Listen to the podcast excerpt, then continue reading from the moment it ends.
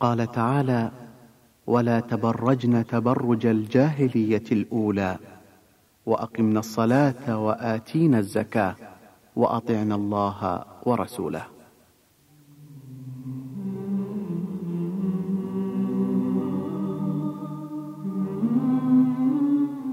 قد تجذبين أنظار الرجال إلى تبرجك وتلوين أعناقهم نحوك لكن ثقي وتأكدي وكوني على يقين أنك لن تنالي احترامهم وتقديرهم ومحبتهم الحقيقية إلا حين إلا حين تكونين عنوانا للفضيلة.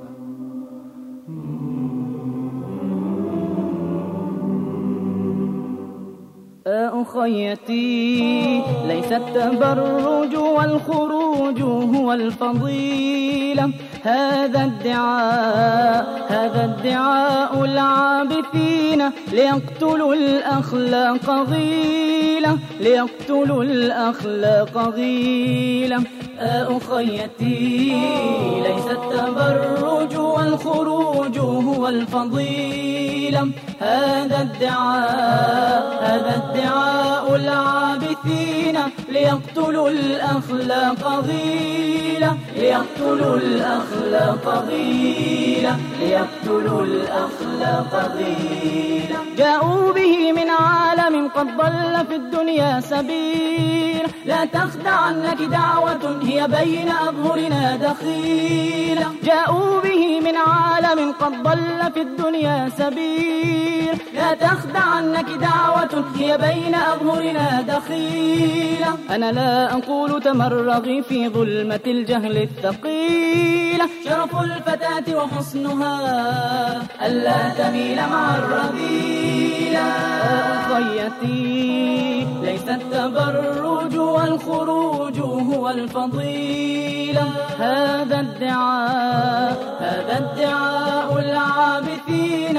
ليقتلوا الأخلاق غيلة ليقتلوا الأخلاق غيلة فتنقبي بين الورى بجلال شيمتك النبيلة. لك في حمى الإسلام لو تدرين منزلة أثيلة فتنقبي بين الورى بجلال شيمتك النبيلة. لك في حمى الإسلام لو تدرين منزلة أثيلة قد صانك الرحمن بالشرع المطهر فاشكري له وحباك أفضل ما حبى الإنسان.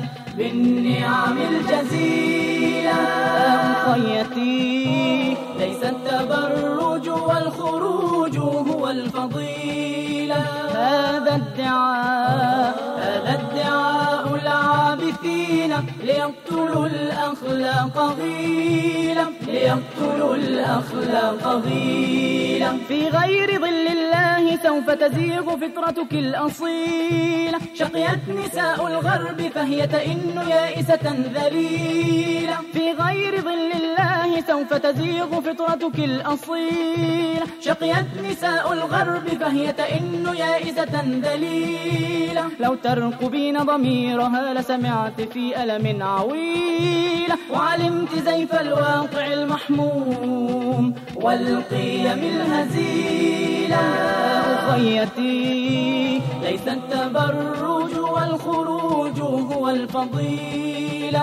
هذا الدعاء هذا الدعاء العابثين ليقتلوا الأخلاق غيلة ليقتلوا الأخلاق غيلة يا ربة الشرف المصون على التقى أرخى سدولة عطف الأمومة والحنان الثر إكسير البطولة يا ربة الشرف المصون على التقى أرخى سدولة عطف الأمومة والحنان الثر إكسير البطولة فرعي به أغراسك الخضراء في أزهى خميل. وتعهدي برعاية الرحمن أزهار الطفولة خيتي ليس التبرج والخروج هو الفضيلة.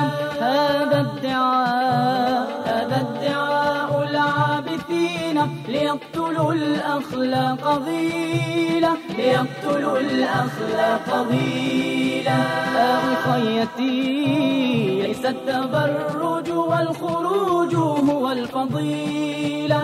هذا الدعاء هذا الدعاء العابثين ليقتلوا الأخلاق غيلة ليقتلوا الأخلاق غيلة ليقتلوا الأخلاق غيلة ليقتلوا الأخلاق غيلة ليقتلوا